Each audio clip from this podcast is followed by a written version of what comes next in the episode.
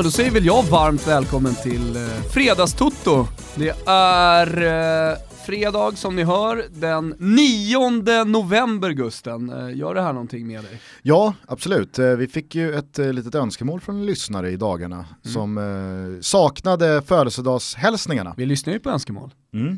Ja, men det, Ibland. ibland. Oftast ibland. är det så svaga önskemål som vi, in, som vi verkligen tycker skulle bli dåligt poddmaterial. Som alltid så finns det bättre och sämre idéer. Ja. Men när en lyssnare då säger fan jag saknar eh, att ni lyfter födelsedagsbarn så kände jag ett distinkt hugg i bröstet och så tänkte jag det ska, det ska ändå hedra det här. Eh, det finns ju en naturlig förklaring i och med att vi har hållit på i över två år. Eh, alltså att man har ju liksom varvat kalendern. Det finns ju bara ett visst antal dagar och så vidare och så vidare. Eh, men då kände jag så här, "Nej, men då är det dags. 9 november, vad har vi? Innan Super. 9 november, Ja. innan 9 november så måste jag ge lite upprättelse bara. För att det här måste komma tidigt i avsnittet. Ja, upprättelse till Åland. Det är ju nämligen så att Viktor E- Enberg har hört av sig till oss efter att du har kallat Åland för världens mörkaste plats. Sa jag världens? Ja, du sa att det var universum, alltså du bor hellre på Jupiter än åka till Åland. Jaha, Mer eller mindre. okej. Då, eh, det fick ju då Viktor Enberg som är en eh, trogen eh, Ålands resenär eh, att eh, haja till lite och, och bli lite upprörd. Eh, och då skrev han helt enkelt så här. under de senaste åren har ÅGK, Ålands Golfklubb, kanske inte behövs förtydligas, utsätts till Finlands bästa 36-hålsanläggning och nu bygger man om Slottsbanan med hjälp av en dansk prisbelönt arkitekt, Filip Sporgard. Banbygget kommer såklart maj 2020 och här bjuder jag tillsammans med era andra Ålandsföljare in er att ta färjan över, spela golf, dricka fin åländsk bryggt öl samt gå och kolla på IFK Mariehamn. Vad man kan tro lägger jag till med Niklas Maripo eh, som någon slags eh, fanbärare. Ska Daja spela där också? Marpan och Daja på, på mittfältet. Eh, så, ja. Säger vi väl med eftertryck, tack men nej tack. Ja, du får säga vad du vill. Jag trodde att där golfen skulle ändå locka dig på något sätt. Det blir en pass på den. Jaha. Nej men eh, jag vet inte riktigt vad Finlands bästa golfbana är för måttstock. Det hade ju det- varit kul om OGK hade utsetts till Ålands bästa golfbana. Det är en undervärderad skalp. Ja. Eh, Ja, kör. Ja, nej men eh, tillbaks till eh, födelsedagshälsningarna då. Då gick jag in på min, eh, min, min sajt där jag hittar vilka som eh, fyller år bland eh, Hemliga. både aktiva och inaktiva fotbollsspelare. Förmodligen sämsta, eftersom Nej, du alltid den, missar några. Den, den är helt okej. Men då var det ju en så här riktigt deppig eh, födelsedag. Eh, Boars Majhill, den gamla målvakten, han fyllde år. Lalavela Atakora fyllde också år. Men jag hittade i alla fall eh, Sabri Lamouchi, kommer du ihåg honom? Ja, jag kommer ihåg. Tunisien-ättad precis. fransk eh, spelare som eh, har spelat sin fotboll i eh, Frankrike till att börja med, Mm. representerade i Frankrikes landslag också eh, 12 gånger tror jag. Eh, hamnade i Italien, jag minns honom från tiden i Parma, det var ju när Parma eh, Exakt. var, det. liksom eh, på, på början av slutet. Mm. De hade ju ett fantastiskt eh, 90-tal, i alla fall andra halvan av, nej egentligen hela 90-talet. Ekonomiskt dopat 90-tal skulle man kunna kalla det också. Sen då, då vid millennieskiftet så började det gå ut för Turam lämnade, Buffon lämnade, Cannavaro lämnade. Framförallt så kom ju skandalen med Parmalat. Mm. Men det fanns ju fortfarande jävla fina spelare i laget under de där åren. Alltså, kommer du ihåg när Adriano kom? Mm. Helvete. Jo men när Vilken Adriano, häftig anfallare det var att följa Ja. när han var i Parma. ja och när han var som bäst i Inter, när han var smal, vältränad, inte gick på Hollywood varenda, då var jag Hollywood, eh, varenda dag. Du vet att det är den vanligaste eh, svenska komment- eller frågan när de är i Milano, svenskarna. Ja. Då vi Hollywood. Man vill gå på Hollywood. Ja, eh, det var, flög inte sådär, det skämtet. Men eh, han var ju så otroligt bra. Jag älskar honom. Ah, fantastisk. Han en sån kraft också. Man, man kunde inte riktigt eh, definiera honom som fotbollsspelare heller. Han hade ju ett enormt tillslag. Han var helt okej nu hamnade snabb. vi på Adriano alltså? Ja. Eller är du på Lamouchi? Nej. nej, på Adriano, jag kan Ja. inte släppa. Du nämner Adriano och det, det Ja, liksom börjar pirra hela kroppen på Mm. mig. Lamouchi eh, vandrade ju i alla fall samma väg, från Parma till Inter. Eh, sen så hade han ett eh, utlån till Genua som jag inte minns någonting av, eh, kan jag vara transparent med. Eh, innan han då vände tillbaks till eh, Frankrike och sen hamnade han i arabvärlden. Men det som faktiskt förvånade mig, Lamouchi dök ju upp som en kandidat, vill jag minnas, Ja. till att ta över Roma eh, för några år sedan. Jag tror att det kan ha varit när eh, Rudi Garcia eh, fick gå. Det slutade med att Spalletti kom tillbaka, men eh, då vill jag minnas att eh, Lamochis namn nämndes. Eh, vill också minnas att Jakob Gustafsson, vår gode vän Jake, Jens Gustafssons lillebror, han var ruskigt pro Lamochi. Mm. Ehm, Kanske därför du kommer ihåg honom också, så du är så god vän med Jakob. Nej men och, och så tänkte jag så här, jaha, eh, sen dess har man inte tänkt på Lamochi, men han är eh, huvudtränare för eh, Rennes idag. Mhm. Jag har ingen aning om, Nej. men eh, det är alltid kul Ja, att eh, bra, liksom bra info här följa upp de här röda trådarna. födelsedagssegmentet. Exakt, så att, eh, jag tycker att eh, det, det blev en bra start. Lamochi fyller 47 idag, du Mm. fick minnas Adriano, vi fick prata lite Hollywood eh, i Milano och sådär. Eh, men det var det, vill du veta vad som har hänt i veckans eh, Europacupspel? Det vill jag gärna göra Gusten. Ge mig allt. Ganska nöjd med det här svepet, så att, eh, Du brukar alltid säga det innan. Ja, du kan väl spetsa öronen jag- lite jag, extra. Jag, är- jag är emot två saker inför att man ska hålla någon slags tal eller då stå för en prestation eh, som, som kommer. Det är dels att man ställer sig upp och säger att ja, men jag är inte så bra på det här eh, och då det andra, det här är bra. så, då har man så höga förväntningar. Jag, Ja, tvek, men, eh, jag tvekar inte, jag tycker att du gör bra svep och det kommer säkert bli bra. Men man får ju enorma förväntningar. 100 000 människor eh, hör ju bara vad vi säger eh, två gånger i veckan. Mm. Hade man sett oss när vi spelar in det här så hade man också noterat att när jag inte liksom bollar upp för att här är ett bra svep, spetsa öronen, då zonar ju du ut och fipplar med telefonen och säger ibland bara mm. Men jag vet, jag vet Ja, ju också, jag Mm. vet ju allt som har hänt så, så att säga. Nej men det är klart att jag är med, kör nu hörru. Jag noterar att en trend har smugit sig in i eh, det svenska uttalet. Håll i det här. Ja jag gissar, jag kan alltså gissa vad det är, men kör, kör. Ja.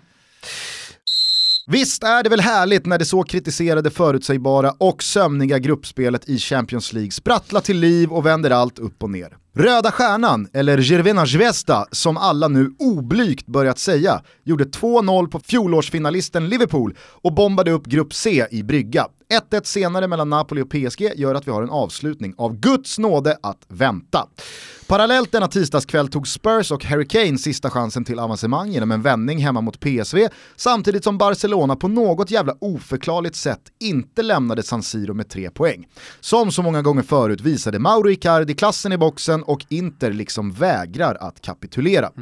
Thierry Henry har inte släppt spaden utan fortsatte febrilt gräva furstendömets grav hemma mot klubb Brygge. Okej att man tappar poäng, rent av dåligt att förlora, men 0-4 0-3 efter 22 minuter. Hemma mot ett belgiskt lag är givetvis allt annat än acceptabelt. För att använda ett ord om Henrys beslut att hoppa på denna halta kuse vänder jag mig till Scrubs.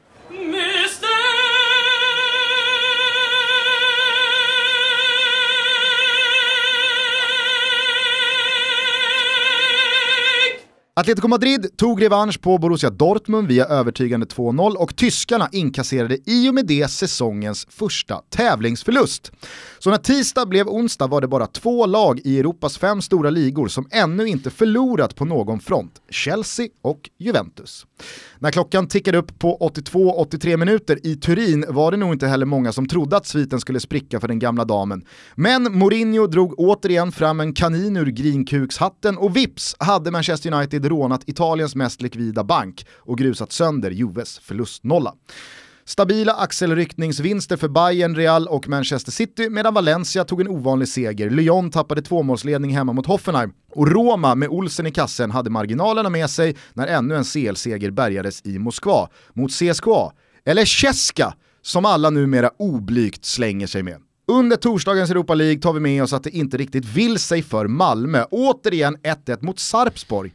Eller Sarsborg, som några oblygt tycker man ska säga. Men avancemanget lever fortfarande för de himmelsblå. Danny Welbeck bröt av allt att döma foten hemma mot Sporting Lissabon. Rosenborg släppte in fem kassar hemma mot Salzburg och löste fjärde raka fjordlaxen, medan Lazio säkrade avancemang efter 2-1 mot Marseille i ett reservbetonat möte på Olympico. Betis och Milan spelade lika, Celtic slog Foppens Leipzig och Chelsea är nu alltså det enda laget från Europas fem största ligor som fortsatt är obesegrade på alla tävlingsfronter.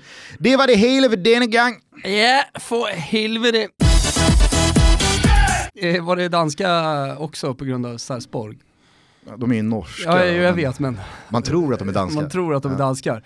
Eh, nej men eh, det här med Zvezda, eh, det var jag inne på innan Champions League. Jag sa det, att nu kommer alla hipsters eh, bara säga det. Och eh, vad har hänt då? Att eh, det har ju blivit då en trend som har spridit sig som en löpeld över hela Sverige. Ja.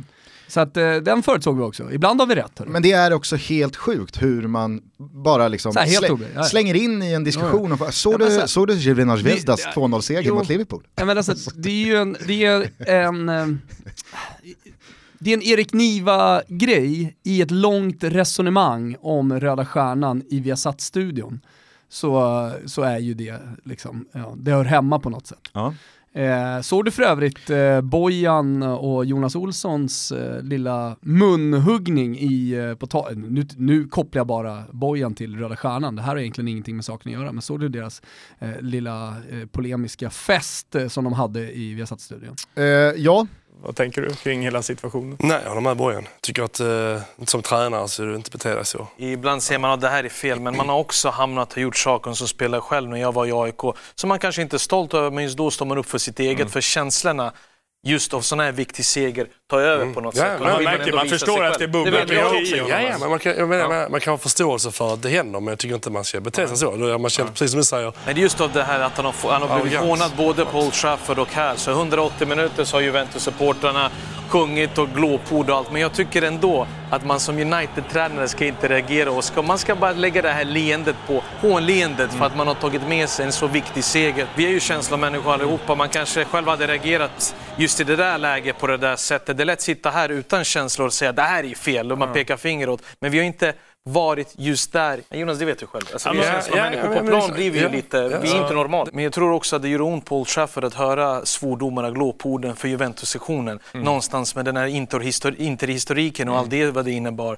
Mm. Jag vet själv att jag har gjort också saker som jag tänker i efterhand, oh, det kanske borde lugna ner När man Känslorna styr eh, Paul Pogba. Men Ola, han har ju vunnit VM-guld, fyra scudetton, Europa League och Champions League-final. Mm. Och folk fortfarande lägger det här frågetecknet. Fast det, jag tycker att det är rimligt. Men jag tycker ändå att om man ser vad han har gjort i United, sett till den prislappen som, som, som var, så tycker jag att Ja, tycker du att United har mått lika bra jag, som nej, jag tycker inte, Nej, men jag tycker inte han har levt upp till...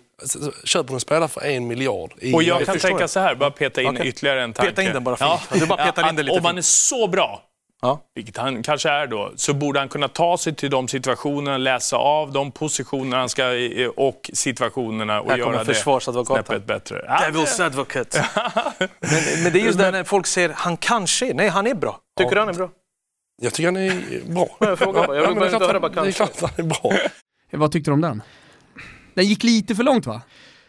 Dels gjorde den ju det, samtidigt så kände man också att det, det, det, blev onödigt, alltså de hamnade snett. Jo men sen så var den ju över, då eldade ju Ola, då tänkte jag så här, men nu, nu backar Ola och så, så bara plockar han upp bilder, för de hade ju uppenbarligen mycket att gå igenom den kvällen kommer han tillbaka till den och Bojan är ju eh, som den sanna Jogun han är, eh, låst. Mm. Det, det, är ju så med, med juggarna, alltså. de är ju låsta vid sina grejer. Här var han tvärlåst. Vad har juggarna för låsningar? Eh, nej men de har ju huskurslåsningen, den är ju liksom nästan, nästan solklar. Eh, sen så har de den politiska låsningen eh, och den kan man ju till och med förstå eh, med tanke på hur eh, det politiska läget har varit. Eh, och sen så är det ju, för, är det följt av en massa olika låsningar. Röd Marlboro är en låsning till exempel. Vitt ja. linne under allt, låsning. låsning också. Guldlänk, låsning. låsning. Och Bojan den är har... låst bokstavligt talat. Lås den här jävla guldlänken runt eh, halsen. det roliga med Bojan att han... Är du säker på att vi ska låsa den på livstid? Ja, lås den. det roliga med Bojan att han har ju också estetiskt låst sig i och med att han vägrar klippa av 90-talsparsen. Den är liksom kvar. Fast den smyger sig kortare och kortare. Jag noterar att han har klippt sig i veckan. Ja, ja men eh, jag skulle nog säga att den där kommer, kommer ta sig i olika längder men alltid vara kvar. Eh, så ja, låsningarnas mästare, men helt tror klart, du folket inte, från Balkan. Tror du inte att Wenström eh, liksom njöt lite av att skicka in ett vedträ i brasan? Han firade ju ändå 300 raka jo. Champions League-sändningar. Bara det är... Kimpa, lägg in en fanfar för Wenströms jävla sanslösa svit.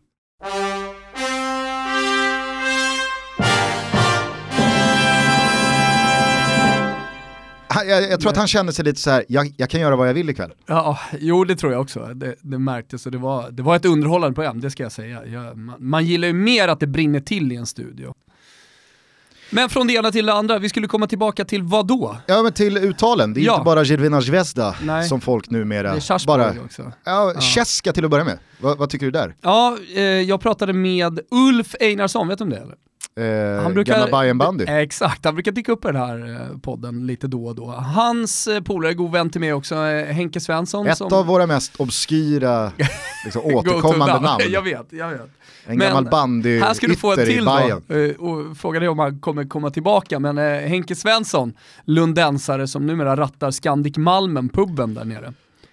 Svag, ja, jag vet, svag jag liksom. Han hur Lamochi är ändå ja. huvudtränare för Rennes idag. Det är ändå såhär, åh oh, fan, ah, okay. Han höll... Henke Svensson kör alltså baren på Scandic Malmen. Han hur som helst eh, höll ett Italia 90-quiz som blev väldigt uppmärksammat. Eh, jag tror, ja, eh, Filip Hammar var med i Berzelii park en gång. Kalle Karlsson letade sig ner där och vann såklart eh, det här tipset. Och då hade han missat en hel sida, vann ändå. Jag tror han hade alla rätt. Han hade med sig det till en CL-sittning här i veckan. Och eh, då vann jag för övrigt med en halv poäng. Eh, men, kan du eh, bjuda på någon eh, fråga som du både hade rätt på, som du är lite nöjd ja. med, och en fråga du missade? Nej det kan jag inte göra, för vi kanske kommer ha det här quizet någon gång. Okay. Alltså jag tyckte det var så pass bra. Ja. Det var lagom fråga. Jag men, hade ju dragit mig länge inför att ställa upp i ett eh, VM 90-quiz. Mm. Alltså min brytpunkt är ju EM 92. Ja. EM 92, okej. Okay. VM 94, mm. dunderbra. Ja, men det är en men, sak men VM 90, där är det liksom så här, mm. jag, har inte, jag har inte nött ut VM 90 på samma jag sätt som det. 94 och, och framåt. Du har inga bildminnen heller, vilket gör det kanske lite svårare. Ja, man kan inte bara läsa sig till eller man kan. Ehm, jo, det jag skulle säga, då, då Uffe då som har varit proffs i Kazan, eh, bandyproffs, han la märke till att jag hade sagt Cheska i podden och sa att det var fel.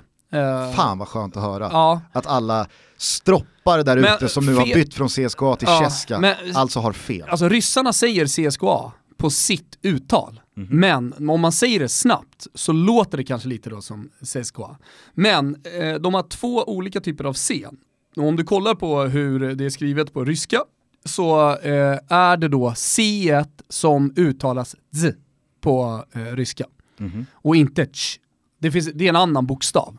Eh, så, så det är helt enkelt fel. Så ska man säga det ska man säga det snabbt, då blir det väl eh, närmare Tseska eh, eh, Moskva.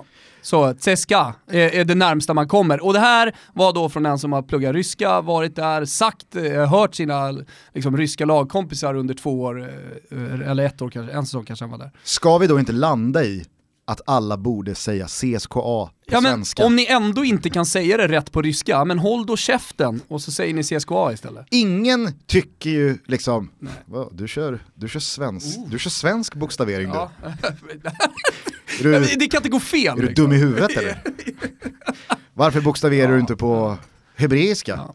Om ni vill dubbelkolla det här så kan ni ju göra då som de ambitiösa kommentatorerna en gång gjorde, som de yngre kommentatorerna säger att de gör nu, fast ingen gör, det vill säga ringa till ambassaden. Det var ju så Kviborgs eh, bästa tips var att tagit åt sig var att så, äh, jag brukar ringa till ambassaden innan jag gör match. Kviborg har aldrig ringt till en ambassad någonsin i hela mitt liv, lägg ner. Tjena, Kristoffer Kviborg här, eh, Eurosport eller Kanal Plus eller vad han nu var. Ja, men så någon på Radiosporten lite... har ju eh, ringt, alltså Christian Olsson har ju någon gång ringt till eh, eh någon ambassad, men, men det tar ju typ stopp där. Och, men, och då är vi, liksom, vi ska inte hamna i denna eh, tröttsamma hamsterhjulsdiskussion kring uttal. Men förstå skillnaden på om det är en norrlänning, gotlänning eller eh, malmöit som lyfter telefonen på den svenska ambassaden när en tysk kommentator ringer och frågar hur man ska uttala det här. Du får ju tre olika uttal. Så det, är liksom, det, det, det, det, spelar ingen roll. Eh, sista då, eh, jag noterade på Twitter igår under eh, Malmös match mot eh, Sarpsborg mm. att en eh, tittare skrev liksom så här öppet till eh, Eurosport och Kanal 9-gänget att varför i hela fridens namn säger ni Sarpsborg när det på norska uttalas Sarsborg? Alltså med ett stumt P. Och så pingade han in då Jarelind som är ja men, eh, mm. den kanske mest tydligt uttalade uttalsfascisten i Discovery-gänget. Ja. Och Jarelind slog då ifrån sig att ja, men det här har aning lyft internt i gruppen. Det heter Sarsborg och inte Sarpsborg. Arning har ju lirat i, i Norge. Det är så klassiskt Men... också att, att, att, att källan är någon i gänget sådär, som, som har samlat gruppen. Har det någon mer redaktionsmöte, är det någon mer som har någonting att säga, då lyfter Arning upp handen. Det heter Sarsborg. Men då vittnar eh, då Jarelind om att då har Discovery tagit ett beslut ovanför Jarelinds huvud att nej, vi kör på Sarpsborg. Alltså medvetet försvenskar man uttalet för att vi inte ska hamna i skrotell-diskussioner. Ja. varför sitter de och säger Sarsborg när det är ett P-namnet? Ja. Säg P, uttala P så slipper folk rasa. Eh, och, och jag, jag, tyckte bara det var så liksom, skönt att det, det, är väl fan det förhållningssättet vi ska ha, än att hela tiden jaga detta lokala, liksom, Česka, ja. Alltså, då omfamnar jag hellre andra länder som helt enkelt döper om städer. Alltså, nu har jag närmst till Italien men det finns inte en tysk stad som inte är omdöpt till, eh, vi gör också det i Sverige ska sägas, alltså, alla, alla städer heter ju inte så som de heter lokalt. Eh, men eh, till exempel Stoccarda, Francoforte, Monaco och så vidare. Colonna. Colonna, det, var, det, det, det är din go-to. Ah, och sen så, Norimbergo ja, gillar jag också. Ja, och sen så är det så, på tal om låsningar, jag får ju inte upp låsningen i mitt huvud att italienarna kör Monaco för Monaco mm. och Monaco för München. Nej, men det är det Monaco, liksom det, bara, ja, det har ju varit så i flera tusen år och så därför, där, flera tusen år, det kanske var skarv, men ändå, du förstår vad jag menar. Ja. Hörru, eh, om vi släpper då de här tre uttalen och fokuserar istället på fotbollen som spelare så kan vi väl börja kronologiskt. Mm. Eh, alltså, jag vet inte riktigt vad man kan säga mer om den där eh, väldigt, väldigt överraskande segern som Jervina Zvezda mm. tog mot Liverpool. Jag tycker inte att eh, Klopp ska hängas för att han luftade laget för mycket. Det var ju ett starkt Liverpool mm. namnmässigt som stod på banan. Sen så tyckte jag det var ganska uppenbart att det fanns en underskattning. Och inte speciellt konstigt efter att man liksom latchade med Röda Stjärnan på Anfield för två veckor sedan, att eh, PSG hade kunnat slå dem med 15-0 eh, i Paris i omgången innan. Så, så att jag fattar ju att Liverpool kanske inte kunde uppbringa någon slags maximal laddning eh, inför den här matchen. Man trodde nog att det skulle gå Mitt av sig självt. Mitt i säsong, många matcher på rad. Ja, och jag, trodde, alltså jag är helt övertygad om att när ett lag kommer in i en match med tron om att det här kommer gå av sig självt, vi behöver inte eh, gå på femmansväxel eller på 100% så är det svårt att ställa om när 1-0 kommer och 2-0 kommer ganska direkt på. Eh, det blev ju lite som för Östersund mot AIK, att när de får det röda kortet, då tror jag att Östersund vaggas in i någon slags falsk eh, mm. visshet om att ja men herregud, vi ska spela hela matchen med 11 mot 10. Det här, det här är lugnt. Det här är lugnt. Ja. Och sen så kommer målet och så kommer 2-0 pang direkt. Då är det där berget så enormt att eh, klättra över. Mm. Och det går liksom inte att ställa om sitt mindset mentalt under en sån match. I synnerhet inte när det är en fanatisk hemmapublik som står på eh, tå hela matchen då och hejar på och har blodvittring och, och så vidare. Nej, men jag vet att det är en klyscha, motivation slår klass, men, men det, det, stämmer i fotboll. Alltså vi kollar på den eh, sista allsvenska omgången, där kommer vi få se eh, flera lag då som ställer in skorna. Eh, det, det, det är svårt att hitta dem alltid innan. Men om man får lite inside så är det till exempel ett väldigt bra spel eh, om man är sugen på att lira. Eh, men som sagt, alltså att motivation är en faktor inom, eh, inom fotboll är ju, och en faktor som underskattas ska jag säga, är, är, ju, är ju klart. Känns inte Örebro-Blåvitt mm. i sista omgången som en match där vi kan se två par inställda skor? Jo men alltså, samtidigt alltså, så skulle det kunna inga, vara... Ingen vill, Nej, ingen bryr men, sig. Så skulle det kunna vara, alltså de matcherna har ju funnits, men det skulle också kunna vara så att IFK Göteborg vill sluta med någon, i och med att de har gjort en säsong med väldigt mycket, har fått väldigt mycket kritik samtidigt som örat ja men liksom, de, de har, ja, vad fan säger man om Örebro den här säsongen? Vad säger Örebro? Ja, jag läste, jag läste det är en, jag läste helt en... neutralt till deras eh, säsong. Det är ingen som kräver att någon avgår. Jag läste en jävligt rolig tweet som summerar Örebro, inte bara deras säsong, utan egentligen hela essensen kring Örebro SK. Någon hade skrivit Närke, hela essensen kring hela Närke skulle jag kunna vara, du behöver inte ens säga ÖSK. Jag vet inte vem det var, lyssnar du, eh, du ska ha cred, men jag läste tweeten bara Helt så här. plötsligt så är Närke det nya Åland. Kanske. Hur som helst så löd tweeten bara, ÖSK har inte spelat en viktig match sedan 2009. och det är så här, det, det, stämmer verkligen, för det, alltså känslan, kring, känslan kring Örebro är att det är laget vars säsong dör först av alla allsvenska lag de senaste tio säsongerna. Ja, och då, och då nu vet jag att de har varit i superettan sen dess, så att det stämmer ju inte, men känslan kring Örebro, det är att deras säsong är över efter nio omgångar. Ja, det blir då, ingen bottenstrid jag... och toppen har redan dragit iväg. Jag håller med dig, men då är jag ändå uppvuxen med ett Örebro som alltid kändes potent. Som ett lag som låg precis bakom, som hade jobbiga bortamatcher, jobbiga hemmamatcher. Eh, ett, ett lag med väldigt mycket kvalitet i startelvan. Alltså jag har alltid hållit Örebro lite som ett Fiorentina, är du med på vad jag menar då? Precis bakom de stora lagen som ligger i toppen. Eh, men som aldrig riktigt når hela vägen. Eh, men jag håller med dig om att de, de senaste åren så, så, placerar man helt klart Örebro snarare då i ett Mainz-fack eller ett Odinese-fack än någonting annat. Ja, det är märkligt att det finns sådana där lag vars säsong alltid dör först. Ja. För att det, det, det, går liksom inte att säga Örebro emot. är even Steven. Ja, men Örebros säsong dog först av alla även i år. Ja. De har ingenting att spela för och jag menar Göteborg, alltså, de räddade ju sin säsong borta mot BP, sen dess så ja, så man tänker på när Alexander Axén var här och Örebro, han berättade om att Örebro-ledningen la upp en femårsplan där man då pratade om eh, Europa. Och Axén frågade, jaha hur ser den ekonomiska satsningen ut där? Ja vi drar in lite på budget, men Europa ska vi nå.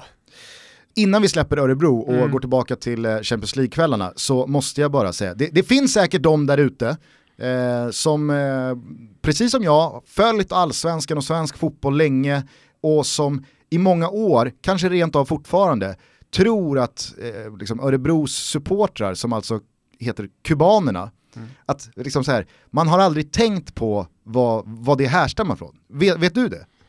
För att när, ja, jag vet när att jag har hört storyn, mig, men det har inte, som allting alltså annat med Örebro så har det inte fastnat. Det var sent i livet som jag liksom mm. fick det förklarat för mig varför för Örebros supportrar heter kubaner. för att jag ska komma ihåg det. Okej, okay. ja, men alltså, den naturliga tanken är ju att ja, men det här är väl någonting med Kuba eller vänster. Cig cigarrer eller vänster. Ja men precis, det är ju, den, det är ju, det är ju kopplingen. Men Örebro SKs liksom, supportrar, eh, de heter kubanerna för att det en gång i tiden, alltså tidigt 90-tal, spelade en polsk spelare i Örebro som alltså heter Miroslav Kubistal, som kallades för Kuba.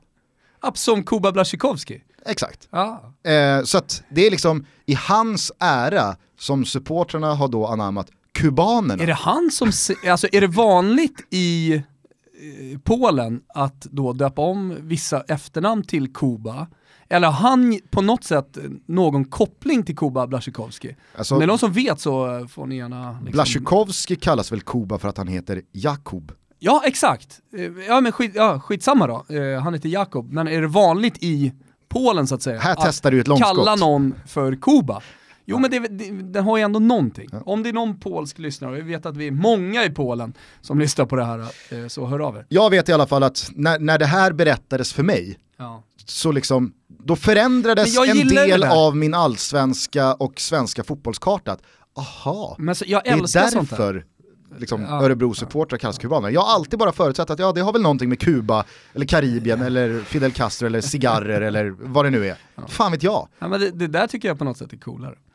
Eh, hur som helst, tillbaka då till eh, den här Champions League-kvällen. För att jag, jag, jag liksom, den här röda stjärnan-segern mot Liverpool, det var verkligen en stilstudie i motivation slår klass mm. och ett eh, perfekt exempel på att det är svårt att ställa om som kvali kvalitativt bättre lag under en match när man har hamnat i underläge. Det är inte bara att liksom vispa med trollspöt från Klopp och sen så är Liverpool på topp igen.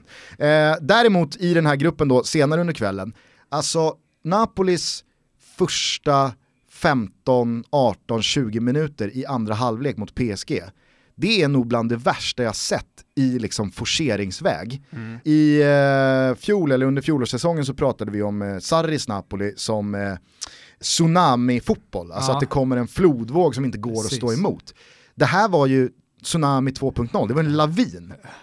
Och det är en sak, jag menar, ser Napoli ut så här hemma mot Empoli eller eh, Genoa eller Cagliari mm. eller Kievo så, så kan man ju förklara det på ett sätt som ändå är ganska rimligt i och med att motståndarna är vad, det, vad, vad de är. Men här är det alltså PSG som inte kommer över halva plan på nästan 20 minuter. De får inte låna bollen, det är panik, liksom, panikstämning i straffområdet, Buffon får bara reflexsprattla, Thiago Silva eh, liksom, drar på sig straffar och de blir helt uppkäkade. Mm. Det var så jävla häftigt att se. Mm. Och där tycker jag också att man ska lägga in att PSG är ett fantastiskt lag framåt. Men eh, om man ser på organisationen i laget, nu pratar jag inte individuellt om spelarna, men eh, rent taktiskt eh, defensivt så, så fallerar ju någonting. Eh, och det kommer ju visa sig, om de inte liksom sätter det, kommer ju visa sig när det blir riktigt tuffa matcher i eh, finalspelet i Champions League. Ja, alltså, och... För jag menar, de blir aldrig testade heller riktigt i den franska ligan. Vilket gör att helt plötsligt kommer de till Champions League. Det är ju som en boxare som sparras med en för dålig, och jag vet att många brukar dra den här referensen också till fotboll, men, men i det här läget tycker jag verkligen att det passar. Eh, för när man kommer till de här tuffa matcherna, då är man inte beredd på det här. Nej, och vi pratade ju om det här eh, alltså efter första mötet de här två emellan mm. Eh, i, i Paris, där PSG får 2-2 i, i slutminuterna. Men då brasklappade vi för att Thiago Silva saknades. Nu är Thiago Silva med, de spelar en ja, men femback när de var så här nertryckta och ändå så är det så rörigt, ändå mm. så gör Napoli de river upp så otroligt stora mm. sår i... Uh... Här tycker jag Ancelotti har varit uh, otroligt skicklig att ta med sig det bästa från Sarri, men sen att också skruva på det så att det här blir ett mer stabilt lag, för, för de har bara släppt in tre mål tror jag nu i Champions League. Uh, om ens det, men de har släppt in väldigt få mål. ja, de har släppt in tre. Ja, de har släppt in tre, ja, samtidigt som den här offensiven hela tiden finns där. Så att de kan gå ner på försvar, Eh, I och med att Ancelotti är en så pass skicklig tränare. Eh, men de kan också anfalla på det här sättet. Det, det, är oerhört imponerande. Jag måste säga att efter fyra omgångar i den här gruppen så tycker jag att det är Napoli som har imponerat mm. mest och det är Napoli som, om man pratar jag vet att fotboll är resultat och en tabell och att allt annat egentligen är skitsamma. Men pratar man om vilka som av de här tre lagen, Röda Stjärnan eller Jervina Zvezda, mm. eh, om ni inte förstår, eh, de får ursäkta. Men är det, något, är det något lag som just nu förtjänar att gå vidare från den här gruppen så är det ju Napoli. Mm. Eh, nu kanske det inte blir så och jag tror att... Nej, men det sjuka är att om man Liverpool borta i sista matchen, vilket förmodligen kommer avgöra ganska mycket. Absolut. absolut. Så seger Liverpool där och mycket möjligt eh, att eh, Napoli inte grejar det oavsett vad man gör här nu sista matchen. Och Eller näst sista matchen. Nu får Napoli ursäkta, men jag tror att Napoli är den klubben av de här tre mm. som ja, men, självbildsmässigt kan tackla ett surt uttåg redan i gruppspelet när motståndet har hetat eh, PSG och jo, Liverpool. Du, du, kan också se eh, liksom, den ekonomiska satsningen, ja, hur, hur, ser den ut? Skillnaden mellan Liverpool och, och, PSG är ganska enorm. Men avslutningen som nu väntar, alltså det är PSG-Liverpool i nästa medan Napoli antar vi slår Röda Stjärnan hemma eh, och sen ska då Napoli till Liverpool, mm. förutsatt att Liverpool inte slår PSG på bortaplan mm. så behöver Napoli gå för segern. Eh, vinner de då med två mål eh, eller fler samtidigt som PSG slår eh, Röda Stjärnan, ja, då, då, kan det bli Napoli som, som lämnar. Men jag menar, skulle det bli något annat för Liverpool, det är ju ett ruskigt hårt slag. Mm. De är fjolårsfinalister, man har investerat stora pengar i somras, även i vintras då med van Dijk. Mm. Eh, men alltså så som man har fyllt på den här truppen med van Dijk, Allison, Shakiri, Fabinho, så är det ju liksom ett uttåg redan i gruppspelet hade ju varit ett monumentalt å. Andra, å andra sidan Gusten, ja. vinner de eh, ligatiteln då är det ingen som kommer liksom, ens komma ihåg vad som hände i Champions League. Det är till och med så att det kanske är positivt för dem i ett otroligt tajt eh, ligarace. Nu när City har eh, väldigt eh, stor motivation när det gäller Champions League Samtidigt som då City redan är klara, i, alltså redan är klara jo, för avancemang i Champions League. Men, men, jag pratar om april, alltså när det ska avgöras, för jag tror att de här lagen kommer gå jämnt hela vägen fram till april. Och när det avgörs kanske City då är kvar i, i otroligt tuffa matcher. Det är alltid det som spelar roll, inte vad som händer i december och ja, fast jag är inte lika säker för jag tror i åttondelsfinal. Jo men det här, det här är historien visad, jag pratar om det här hela tiden. Det är april, det, det kommer gälla och det är då det spelar roll för Liverpool om de är med eller inte. Absolut, men jag tror Alltså, Sen om de får en åttondelsfinalfight eller inte, det spelar ingen roll. Nej, men eh, vad jag tror så tror jag att dels så ska man inte glömma Chelsea i liga-racet. Eh, men jag tror att kommande två månader, alltså november, december, så är jag tämligen övertygad om att City kommer knappra eh, iväg ytterligare några poäng på Liverpool. Mm. Och låt säga att City skaffar sig en ligaledning på sju poäng. Mm. Så jävla svårt att se City tappa det mot ett Liverpool, eller Chelsea, eller mot några andra över resterande del av säsongen. Trots om det nu skulle bli så att eh, City går vidare i Champions League, Liverpool gör det inte. Skitsamma, det där är rent presumtivt. Jag är helt övertygad om i alla fall att skulle det bli PSG som stryker på foten och inte går vidare, Ja, det, är, det är ju ett hårt slag på Det riktigt. är nog ja, en T-korsning. Alltså, det är nog en T-korsning som... för PSG som klubb. Mm. För att jag ser inte hur PSG hämtar sig från det. Jag ser Neymar då lämna, Thiago Silva, ska han ladda om? Mm. Eh, Mbappé, vad händer med Mbappé om Neymar och Thiago Silva lämnar? Ja, men... Man börjar se, alltså så de har en 40-årig Buffon i mål, mm. visst Ariola ser superspännande ut, men där framför, ja det är ganska ungt. Ja, men det är inte så att de lägger på... sig ner och dör, det är klart att, jag menar, de kommer resa sig, men det, det är ju Eller? otroligt tungt. Du menar att äh, ägarna helt plötsligt skulle sluta investera och att äh, det här blir Känns inte, vad heter han, Nas Nasser? Ja han, han är ju, han är ju... Eh, han är trött på att pumpa in pengar. Han vill ju ha sin jävla Champions League-titel. Mm. No, det är klart han vill det. Och hans stubin känns inte evighetslång. Nej, det tror inte jag heller. Å andra sidan så har han pumpat in så mycket pengar så att han helt plötsligt skulle lämna, eh, jag menar, man hamnade ju trots allt, om man nu skulle utvärdera det här, i en otroligt tuff grupp. Ja men det skiter ju han i. Ja men ja, du, du menar att han inte analyserar alls? Han vill bara Nasser har ju ingen förståelse ja, okay, för att vi fick en tuff grupp. Jag köper. Alltså, du, bear in mind, mm. Nasser har utstått... jag älskar att han är Nasser.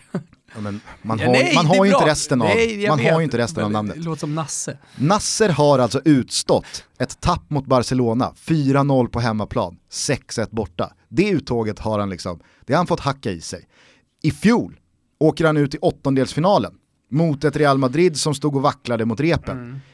Skulle han åka ur i gruppen igen? Ja, det är liksom ett steg bak. Jag är, jag, jag är skeptisk till att han bara liksom, mm. okej okay, gubbar, vi kör på, vi satsar vidare, Ny chans nästa säsong. Men det kanske är så att Uefa löser det där i slutändan då, så att det blir Napoli som åker ur så är alla glada. ja, Utom Svanemar. eh, det blir en ruskigt eh, delikat eh, avslutning på Grupp C i alla fall. Eh, rör vi oss till onsdagen så var ju såklart den stora resultatbomben Uniteds seger på Allianz Stadium i Turin. Innan du går dit, jag måste bara säga en sak kring Napoli. De måste sluta göra pizzor med folks ansikten. Ja. Alltså, folk måste sluta bli pizzor, eller att så här, ja, det, det, här är hans favoritpizza. Det är ingen grej längre. För nu hade de ju gjort Cavani, Mbappé, Neymar hade de gjort pizzor av. Det blev stort och folk hyllade på Twitter. Ja, de är tokiga de där napolitanarna, de har gjort en pizza av Neymar. Gemeladjo till super... Det blev typ symbolen för ett väldigt fint tvillingskap supporterna emellan. Nej, det är inte symbolen, det är när de står där och partar innan matchen. Ingen jävla pizza! Nej. Jag är så trött på de där pizzorna. Och folks favoritpizzor vet man ju alltid bara, det är ju, det är ju bara, det är bara lögn, det är bara ja, båg. Ja, ja. Det är inte någon jävla favoritpizza till någon. Alla älskar kebabpizza i slutändan. Ändå, även napolitanarna. Du vet, de kommer här, får en syrianfrisp i, i Tumba och sen så kommer de aldrig gå tillbaka till eh, den napolitanska margeritan. Jag står ju för, alltså jag tycker, alltså, jag tycker italiensk pizza är jättegott. Alltså det är en pizza i Italien, om det så är i, jag har aldrig varit i Neapel, eh, men om det så är i Rom eller alltså Florens eller Milano, en italiensk, jättegod, jättegod. Men jag står för jag tar hellre en frisbee från liksom, en syrian i vet, Stockholm. Jag, jag, en svettig capricciosa. Ja. Och så på med vitlökssås. Nej. Pressad vitlökssås. Lyssnade du inte på vad Gille sa när han var här? Nej. Lyssna på Jiloan Hamad avsnittet från eh, i januari va? En trevlig stund. Eh, han sa att det var kurderna som hade tagit över pizzerierna, att syrianerna hade hoppat upp ett snäpp och kör restaurangerna. Eh, alltså syrianerna kör ju i hög utsträckning eh, de italienska restaurangerna. Ja, Forum Romanum. Ja, exakt. exakt. eh, nej men eh, det är klart att en italiensk pizza är så jävla mycket godare, men sen så vet jag att du gillar att krydda sönder maten, du gillar att ha det där lite, lite, lite svenska. Så det, det, är helt okej, okay. jag köper det, man får gilla vad man vill.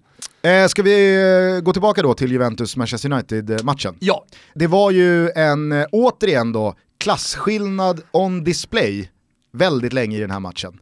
Sen så vet jag att uh, United-supportrar liksom, fan Alexis såg spännande ut som uh, topp och ja men det tyckte det såg bra ut och uh, Lindelöf, ah, vilken superform han är i. Han fick väl lägst betyg av alla av eh, I Gazzetta. Men i Skys, engelska Sky så fick han högst betyg. Oh ja, alltså, jag, jag säger ingenting om det. Jag... Hans prestation värderades ju verkligen olika. Supermål av Cristiano Ronaldo, eh, det är ramträffar gånger två, det är ett Juventus som givetvis ska avgöra den där matchen tidigt. Men som jag sa i svepet, Mourinho gräver i sin jävla grinhatt mm. och hittar återigen en lösning, en frispark från Mata, eh, en eh, Fellaini som liksom signalerar att lyft bara in den så mm. brunkar vi in skiten på något sätt. Och så, så fixar han tre poäng. Eh, Va, vad känner du efter matchen?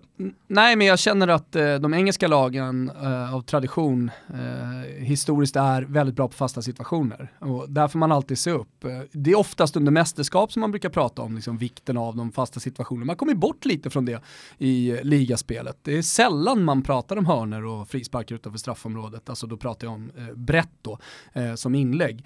Eh, men, men, här visar de sin styrka och sätter in Fellaini och då, då, då liksom får man inte ge bort frisparkar. Det var så Juventus spelade spelarna, även Allegri, analyserade den här matchen efter. Du får inte ta en frispark där. Matuidi är det eh, som tar frisparken som Mata sen skruvar in. Men även den ute på kanten där. Senza fallo säger man på italienska och jag lovar att de skrek det många gånger till Matuidi. Senza fallo! gubben, och så tar han den ändå. Vad och då bjuder man in dem med ingen, alltså, utan frispark. Mm. Eh, men, men det vanliga liksom, fan, var försiktig i de lägena du vet att de är bra. De har precis satt in Fellaini. De har eh, jättebra inläggsfötter. Eh, så, så att jag tycker att man, eh, i och med att man ger bort de där två frisparkarna, eh, som jag tycker verkligen är gåvor av Juventus, eh, då, då, riskerar man också, eller då öppnar man upp det för Manchester United. Spelmässigt är inget att snacka om. Jag hade en krönika klar i 80 minuten, mer eller mindre, eh, så, som liksom handlade om det. Liksom, hur kan det ha blivit så här stor klasskillnad? Trots det ekonomiska, ganska stora differensen mellan de här klubbarna, hur de har värvat. Alltså vilket stort underbetyg det är för Manchester United att ha blivit omsprungna av Juventus. Eh, jag kanske borde ha skrivit det den, det stycket i alla fall i krönikan. Nu gjorde jag inte det utan vände det väldigt mycket mot United. Men, men, men eh, det, det, det, kan vi väl landa i här i podden. Att, att det, det, det, är ett sånt enormt misslyckande att man inte får till det bättre. Jag eh, skrev efter matchen en eh, tweet där jag liksom så här antydde att det här kan ha varit en pyrrusseger för Manchester United i det långa loppet. För att den här segern stärker ju givetvis eh, Mourinhos aktie eh, över tid. Jag tror att det här innebär eh, självklart ett avancemang och det här kommer vara en seger som Mourinho och eh, de som är i hans ringhörna kan gå tillbaka och peka på, men herregud, vi slog Juventus på bortaplan. Mm. Men jag, och, och således så tror jag att det här kan köpa Mourinho kanske ytterligare en säsong mm. i Manchester United. Det vet fan men ja. Nej, men, eh, det var det jag antydde i alla fall och då skrev jag då att trots eh, segern så kan det här i det långa loppet vara det sämsta som mm. kunde hända för Manchester United. För jag är helt övertygad om att Manchester United över tid, om det så är en Champions League-säsong eller om det är en ligasäsong på 38 omgångar, de kommer inte med den fotbollen Manchester eller Mourinho vill spela, så kommer de inte vara med och tävla om vare sig finaler eller pokaler. Nej, men stoppa in vilka spelare du vill i det där laget. Exakt. Ta, liksom plocka vilka spelare du vill. Sätt Messi till höger, eh, sätt Hazard till vänster, eh, sätt, eh, vem är världens bästa nia just nu? Ja, det är Piontek. Nej, men alltså en, eh, Intressant fråga, vem är världens bästa nia just nu? Är det Icardi? Icardi, Suarez. Många som inte eh, håller med om Icardi, Suarez. Ja. Det går väl att argumentera för att Cristiano Ronaldo är nia. Ja. Hur Fast som helst. det är han ju inte. Nej men, men alltså, det går att argumentera för. Ja. Du bollar väl upp Benzema snart? Stark han är. Satt och väntade på Benzema.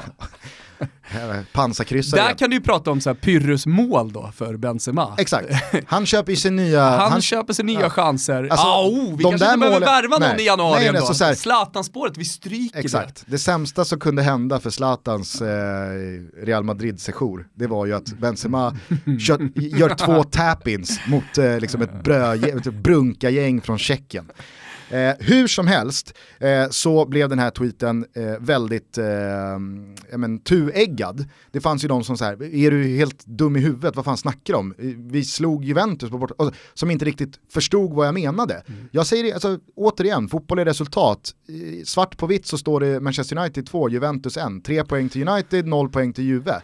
Och eh, om man ser till att det handlar om att vinna en enskild match, hej, av med hatten, applådera Mourinho. Fan, gör bra byten, kan... det får man inte glömma ja, bort. Visst, och han vinner. Han, det där är ju, med Mourinhos sätt att spela fotboll, det där är ju deras bästa segerchans. Stå emot, stå emot, stå emot och sen så gå för en forcering mm. och liksom på något sätt trycka in ett vinstmål. Men vill man tro att det där kommer funka, man avgör på tilläggstid mot Bournemouth, man eh, vänder 0-2 med näbbar och klor hemma mot Newcastle till seger, man brottar sig till tre poäng bortom mot Juventus. Här är vill... Bojans nästa låsning. Nej men vill man tro att det över tid kan leda till en Champions League-final eller en ligatitel, ja men gör det då. Jag tror inte det. Nej. Och således så är Manchester Uniteds framtid i allra högsta grad beroende på hur länge Mourinho stannar. För att så länge Mourinho kommer vara jag kvar så kommer inte det här... Jag tror inte man ska dra för stora växlar. Jag skulle inte dra så stora växlar som du gör eh, i det långa loppet vad den här segern har för betydelse för Mourinhos eh, längre framtid. Jag skulle inte göra det. Sen förstår jag att det här kan då betyda avancemang eh, eller icke-avancemang. Mm. Eh, men, eh, men jag tror inte att det har större, no någon större betydelse för hur ledningen tänker kring Mourinhos framtid. Mourinho-försvararna i alla fall. Så att i slutändan för mig så är det en seger Eh, jag tycker att han gör två bra byten. Jag tycker att de står, de står, de, de står pall helt okej okay med lite, lite röta. Sen så kan jag hålla med om att så här, ja, men det här Mourinho-laget ser jag inte vinna några större titlar. Nej, det har du uppfattat att inte jag gör heller. Eh, men då så menade också då Mourinho-försvararna på, som eh, kritiserade mig för den här eh, ståndpunkten, att Mourinho är, han är bakbunden. Han får inga pengar, han får inga spelare och eh, han kan inte göra någonting annat fotbollsmässigt med det laget han förfogar över. Och där vänder jag mig också tvärt emot, för att jag tycker att Mourinho besitter en trupp som kan spela en väldigt annan fotboll än vad de gör. Mm. Om han bara liksom ger de orderna, om han bara liksom försöker implementera en annan spelfilosofi och en annan spelidé. Mm. Men det är så här han vill spela sina eh, matcher och det är så här han vill spela sin fotboll.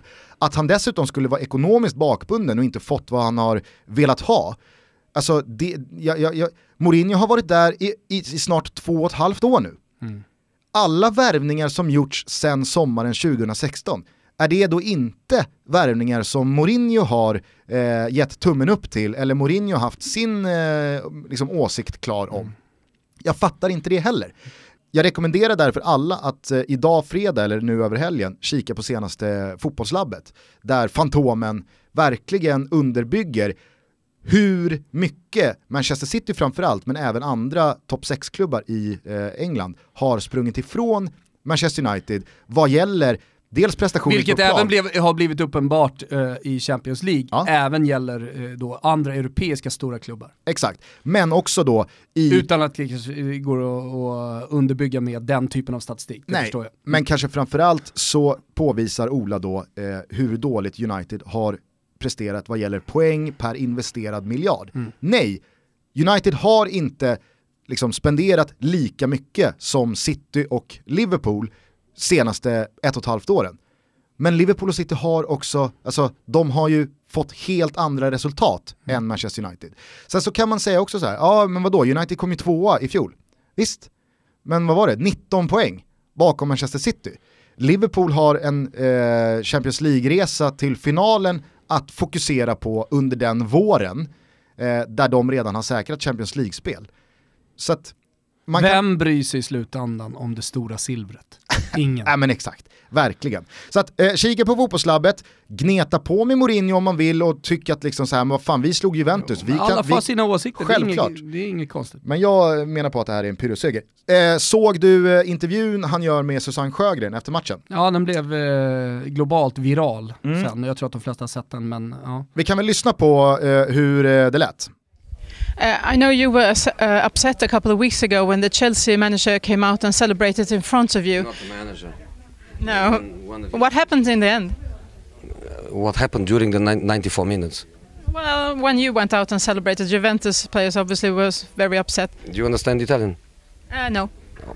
So ask the FA, they will translate for you. okay, thank you. Här blev det ju återigen, ingen har ju missat att Mourinho då på slutsignal går ut på plan, håller örat mot handen, yep. får till en jävligt eh, udda min med munnen. ja. Det är sällan man ser den. Ja, äh, lite snuskgubbe-min på något sätt. Får ju då sista skrattet, som det brukar heta, i den här 180 minuter långa matchen han gått mot Juventus-supportrarna. Eh, Bonucci är framme, Dybala är där också va? Framförallt så är Bonucci där. Mm. Och det var ju många som uppmärksammade att eh, Bonucci minsann då eh, firade mot Juventus-supportrarna, gjorde mål för Milan och sådär. Sen så kan man ju liksom så vända på det, Mourinho var ju jävligt tydlig mot Conte när eh, Chelsea ja. slog United och han var framme och hej vad fan, mm. alltså så här håller man inte på när man har vunnit och så vidare och så vidare. Alltså, eh, alltså hycklerierna inom fotbollen når inga gränser. Liksom. Nej, nej. Gör eh, vad fan ni vill. Det här frågar... Eh, Allt är känslor i slutändan. Det här frågar ju då Susanne Sjögren om, Mourinho frågar... Ja, men... Sebastian Larsson, ja. där har du nästa hycklare. Mourinho... Men jag skiter i, gör vad ni vill istället. Mourinho frågar Sjögren, förstår du italienska? Ja. Sjögren är ju jävligt transparent här. Nej, det gör jag inte. Nej men då kan du ju be... Vad tror du jag gjorde när jag satt där? Satt och spelade upp den här intervjun, hur jag då hade svarat till Mourinho. Ja, vad hade du sagt då? Va? Vad hade du si. sagt? Eh, cosa vuoi dire? och så hade ni Cosa hittat... vuole dire mister hade jag sagt såklart. Så hade ni hittat varandra.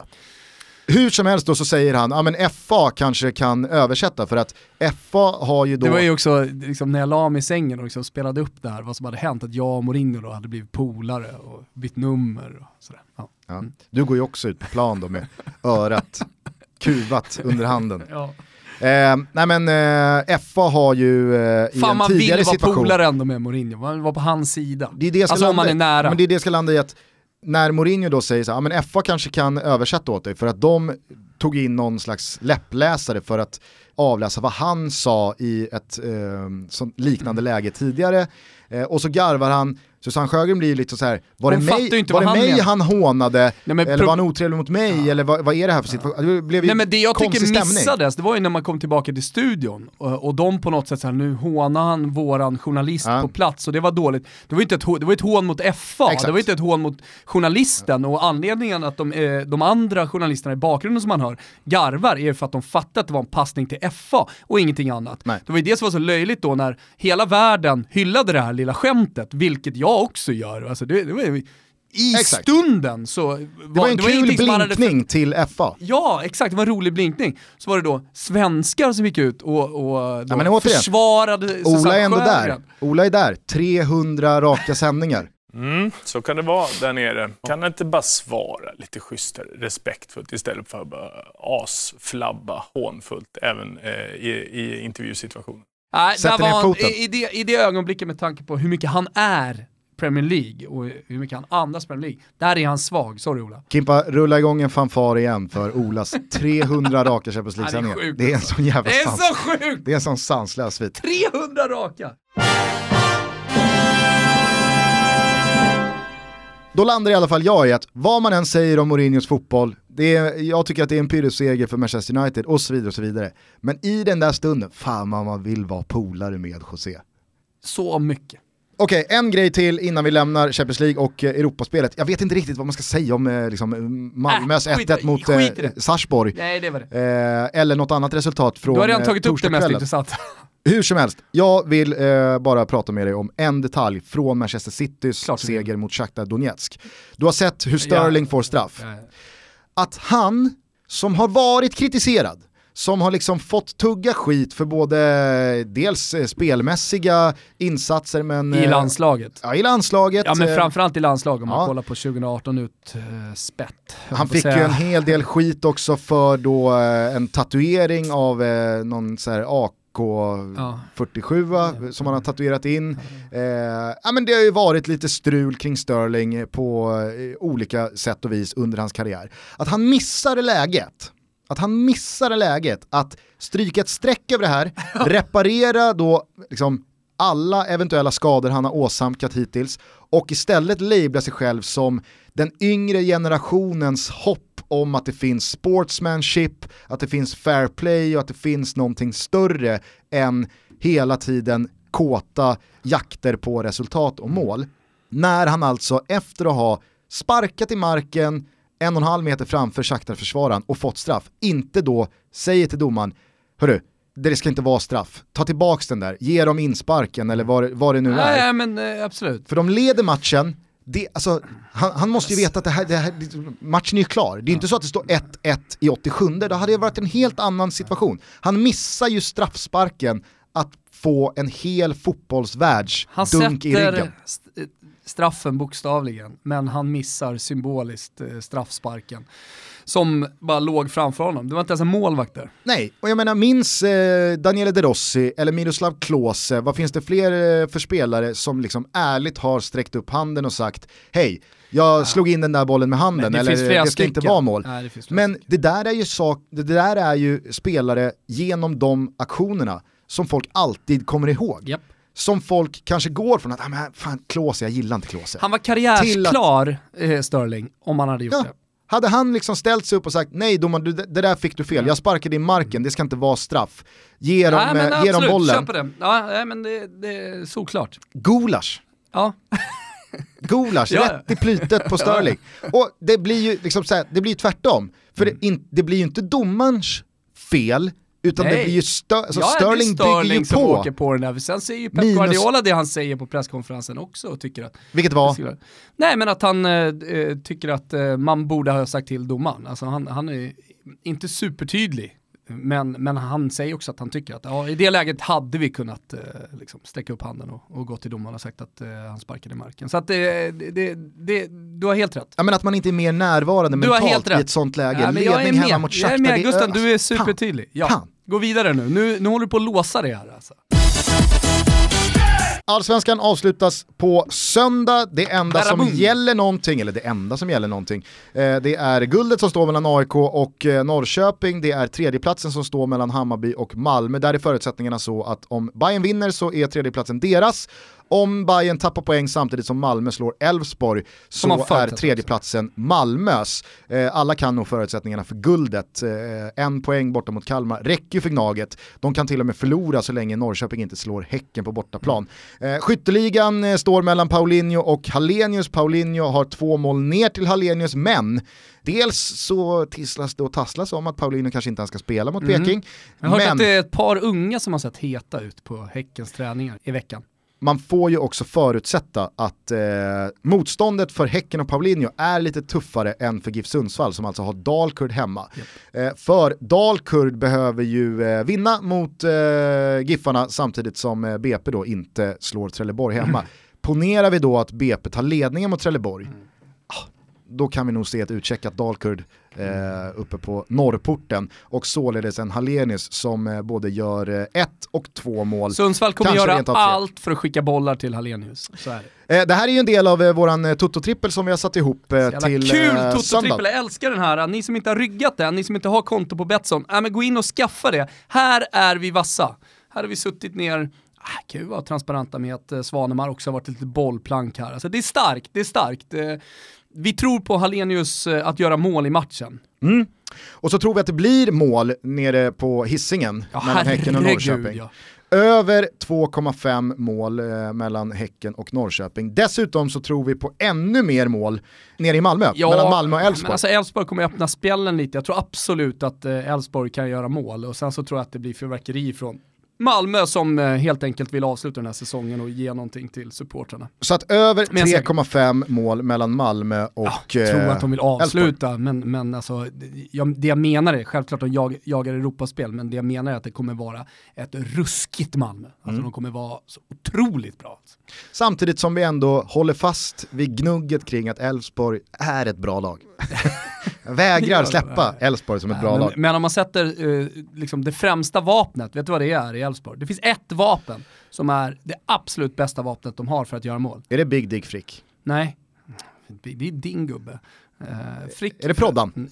Nej men det är Lundvall och Prodell liksom som, som ett par.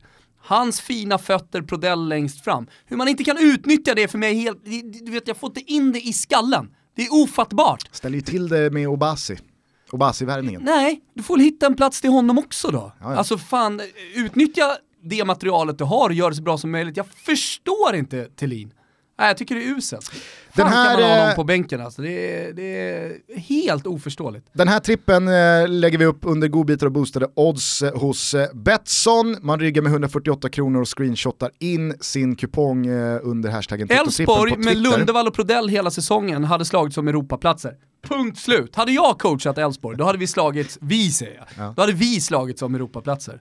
Ja. Fan, från fick 09 i eh, Stockholm eh, till eh, Träna Borås. Lyssna på mig nu, Stefan Andreasson! Vad hade du kunnat eh, uträtta med Örebro? Inte mycket. Inte mycket. Alltså, eller, eller så här. jag hade uträttat exakt samma sak som eh, Kjell. Nej, jag tror att du, du hade ju firat valborg med talet till laget att Jaha gubbar, då är det väl mer eller mindre dött. Ta ledigt imorgon. Vi har ledigt på onsdag, säsongen ut. Kör eh, majbrasa, ja. håll, i, håll, i, håll, håll lite i drickat Håll lite i drickat, men eh, absolut, vi tar, vi tar två dagar ledigt på det här. För det, nu, är träning onsdag, så håll lite i drickat. Kontraktet är säkrat, men det blir inte toppstrid i år heller. Så att, eh, kör hårt här nu eh, under majbrasan. Eh, nej men eh, Betsson är dessutom eh, så schyssta att de slänger in en valfri matchtröja som kicker. Så att om vi nu inte skulle sätta den här, mm eh, trippen. Alltså sätter vi den, ja då vinner ju alla deg, men kicken delas ut också. Men skulle vi inte sätta den, ja då vinner någon lycklig vinnare också eh, en valfri matchtröja. Mycket bra. Yes, eh, tack till Betsson för att ni är med och eh, fortsätter göra eh, den här podden väldigt, väldigt rolig. Tack också till Strive som är med oss. Eh, nu rullar allting på, allting funkar borta hos Strive och det är vi väldigt glada för. Eh, nu börjar vi verkligen närma också svenska kommentatorer. Jag ska också säga till våra norska lyssnare, lokala kommentatorer. Om vi har någon dansk, ja, lokala kommentatorer. Så det kommer både danskar och norrmän. Jag har hört namnen nu. Ja, Får inte ja. säga någonting. Nej, men det är bra. Det blir jättebra. Verkligen jättebra till och med. På söndag ser man ju fram emot... För alla, alla i Skandinavien. På söndag ser man ju fram emot Milan-Juventus. Ja, oh, herregud. Milan som fan har de ens ett lag att ställa upp med. De fick ju så mycket skador. Men är det inte då ett uh, Gattuso-lätt uh, Rossoneri ja, reser sig. Är det det. Kanske är det Iguain uh, gör någon slags mirakel-comeback här och, och, kan starta och ser hur bra ut som helst och så tar de den. Ja, varför inte? Och så blir det då en vecka som är lite ja, men, dålig för Juventus. Och det kommer sen i slutändan, du pratar om pyrrusseger, det här är ju motsatsen, vad kallas det för? Nej, men, nej, men så här, nej, nej, men man, man eh, förlorar, Pyrrhus-förluster fast tvärtom då. Alltså att man förlorar två matcher, det kommer göra Juventus fullständigt vansinniga. Eh, vilket gör att de liksom typ går rent fram till maj. Ja. Mm. Ja, det kan man ju absolut se hända. Dessutom fin spansk fotboll i helgen. Atletico Madrid mot Athletic Bilbao på lördagen och sen så åker eh, Santiago Solaris Real Madrid ja, men De är man intresserad av att till se Vigo. Ja, ja, men Vigo, eh, Celta som också, eh, det är ett bra lag, de har gjort det bra. Eh, ska bli kul att följa detta Real Madrid. Jag missar inte Celta mot eh, Real Madrid. Eh, 79 spänn i månaden i alla fall. Kostar det. all fotboll från La Liga och ja. Serie A. Bara signa upp sig ni. Jajamän, strivesport.com. Hörru du, eh, jag tänkte bara att vi skulle tillbaka till den allsvenska upplösningen. Eh, kanske inte så mycket sportsligt. Du har ju redan liksom eh, basunerat ut att eh, det finns inte en eh, det finns inte en Janne att AIK missar guldet. Ja, jag vill inte säga det offentligt. Men det kan du väl göra? Offentligt säger jag att allt är öppet. allt är öppet. Okej. Okay. Ja, det blir en alltså, det är ju, måste man säga, faktiskt eh, en Alltså att det här bara lever i 30 omgången Slumpmål, på tal om, eh, alltså kolla vad som hände Manchester United mot Juventus, alltså överlägsna de var. Alltså fasta situationer, där är ju dessutom Kalmar bra, tror jag. Eh, de har i alla fall eh, en del fina fötter med Rasmus Elm eh, och eh, de har några nickstarka spelare. Ja men säg att de gör 1-0 då, tidigt i matchen. Mm. Ja, var tar det liksom AIKs prestation sen? Jag har ingen aning. Nej, och jag är helt övertygad om att eh, Norling eh, går ut eh, med en ganska avvaktande matchplan till den här matchen. Vad händer då ifall Peking plingar in 1-0? Ja. Alltså, jo, då, jag jag, då smyger det sig på också en stress. Jo, men, men jag tror inte i den första halvleken att eh, spelarna kommer vara speciellt medvetna, det är så mycket adrenalin och man är så fokuserad på sin uppgift. De kommer att, vara medvetna. Aj, aj, aj, De kommer vara medvetna. Hur som helst, jag skulle bara säga det, inte bara eh, så är det ju fascinerande att det här lever in på omgång 30, alltså AIK ska ha avgjort det här redan, men att AIK tycka. dessutom är eh, tvingade till den här matchen utan Kristoffer Olsson, utan Ado, av allt att döma även Sebastian Larsson out, vi får väl se hur det blir med Panos Dimitriadis. Alltså, att det är så många koncentrerade bortfall till en och samma lagdel är ju anmärkningsvärt och det är ju inte liksom så här okej okay, fan vi har ingen, eh, vi, vi, har blivit av med båda våra eh, vingbackar. Mm. Eh, vi får låta någon vikariera där, utan det är ändå ett centralfält. Alltså det, det är ju Ja, det är ju ja, det är, det är en, det, det är en detalj som är, är liksom, otroligt betydande. Snacket går också dig och mig emellan hela tiden. Så att, eh, ja, förutsättningarna är glasklara, nu kör vi bara. Jag står ju bakom att eh, Ado får en match avstängning till. Jag stod inte bakom det röda kortet, men får man ett Nej, straight red så står jag bakom att man ska få mer än en match avstängning. För att ja. annars är ju ett straight red samma sak som två gula. Å andra sidan så kan ju då domare, eh, tycker jag, eller eh, granskningsnämnden i efterhand rätta till saker om det till exempel har varit eh, en armbåge som visar sig inte ha varit en armbåge, utan Absolut. en spelare som filmar, Absolut. rätta till det. Så det finns ju undantag som bekräftar den regeln som du drar. Absolut. Men, men, men granskningsnämnden har ju tagit liksom sula på ben och det är straight att vi står bakom det. Ja, och de, alltså, Hade det varit en solklar ju... filmning, den hade inte träffat, ja, ja men då är det någonting annat. Även fast jag tycker att det var ett helt horribelt rött kort Ado fick, så mm. tycker ju de bestämmande instanserna att det var ett rött ja, Hur som helst, eh, ingen, har, ingen, har, säkert missat diskussionen då i veckan om att Kristoffer eh, Olsson har blivit då nästa offer för eh, avstängning vid tre gula kort. Han har på 29 matcher skrapat ihop tre varningar. För få tycker jag. Han, det, det, kan man argumentera för. Han har hur som helst inte tagit en ostskiva från eh, omgång 5 fram till eh, omgång... Det är ju fet gulasch om man nu 29. är AIK och tittar på den prestationen. 24 omgångar går han utan att ta ett gult kort, eh, sen så får han ett gult kort och blir då avstängd när allting ska avgöras i omgång 30. Ett alla, alltså alla har ju varit medvetna om att så här fungerar det, så då är det ju bara att förhålla sig till det. Väldigt många AIK har ju varit upprörda av att varför har man inte ja, tagit gula kort alltså, och, och varit avstängd i matchen mot BP mm, eller Dalkurd eller tidigare under säsongen. Ja, För att man vet ju hur det har fungerat, det är bara att förhålla sig till det. Mm. Samtidigt, man måste kunna hålla två tankar i huvudet eh, parallellt och där tycker jag att ja, men det här är ju det ypperliga beviset på att det måste till en förändring. Mm. Sen har jag sett folk som har föreslagit något jävla poängsystem, att man ska värdera olika gula kort gentemot varandra. Svenska fotbollsförbundet ihop med Uefa som har varit inne eller? Nej. Det låter ju som en sån lösning. Nej men att, att liksom man ska värdera liksom, gula kort mot gula kort ja. och det är vissa ska vara värda mer poäng än andra, bla bla bla. Jag tycker alltså så här, man måste få till någon, alltså bara så här, har man inte tag, går du... Det handlar ju om att spelare inte ska sätta sig i system att ta gula kort. Nej. Så, så att man måste sätta en gräns någonstans och den borde då rimligtvis vara högre. Det är det du säger. Ja, eller att om du går, jag menar, säg, att du, säg att du går fem matcher utan ett gult kort, mm. så stryker man ett gult kort. Ja, okay. Alltså den, den eh, jag vet inte vad... Motmetoden ja, måste vara bättre än att man ska dels riskera att bli avstängd för ett tre gula kort mm. på 29 omgångar. Men man kan heller inte hålla på och börja jämföra gula kort med gula kort. Mm. Alltså ett gult kort är ett gult kort, ett rött kort är ett rött kort. Men det säger ju sig självt att tre gula kort på 29 matcher, det ska ju inte generera en bestraffning. Alltså, om något så är jag ju med dig. Det är för få gula kort man har tagit på 29 matcher. Mm. Alltså, och, och, och, så kan det inte heller Men vara. vad är summan av kardemumman då? Vad, vad är din slutsats? Jag tycker att visst, kör på med det här systemet, men har man gått, eh, står man på två varningar, mm eh, och riskerar en... Ja, då har man på något sätt så här zonat sitt straff, då har man Precis. varit duktig, duktiga killen eller duktiga ja. tjejen då och, eh, gått sex raka matcher Exakt, och hållit sig. Ja men eh, jag, det, jag köper det. Kristoffer Olsson står på två gula kort efter fem, efter fem omgångar. Jag tycker att han det låter rimligt. han tar sen inte ett gult kort på fem matcher, Nej. så efter omgång mm. tio, ja då står han bara på ett gult kort. Mm. För då stryker man ett gult. Ja men jag, jag håller med då blir det ju liksom, då, då kommer man ju åt det man uppenbarligen vill komma åt. Fast det blir inte en orimlig eh, straffsats. Jag håller med. Okej, okay. eh, med det sagt så är det ju inte bara på planen det ska avgöras utan eh, det har ju dessutom eh, kommit ut nomineringar till Allsvenskans stora pris. Eh, du och jag är inte med i några... Jag tycker, om jag ska vara helt ärlig, så tycker jag att du borde vara med. Varför du som då? är helt neutral, eh, du gör Sveriges största podd som också pratar om allsvenskan väldigt mycket. eh, du eh, ja, men bloggar på Fotbollskanalen, du, älskar allsvenskan. Om jag tittar på den här listan med jurymedlemmar så är det liksom journalister som knappt har varit på en, på en allsvensk match som, som, som är med och ska tycka till.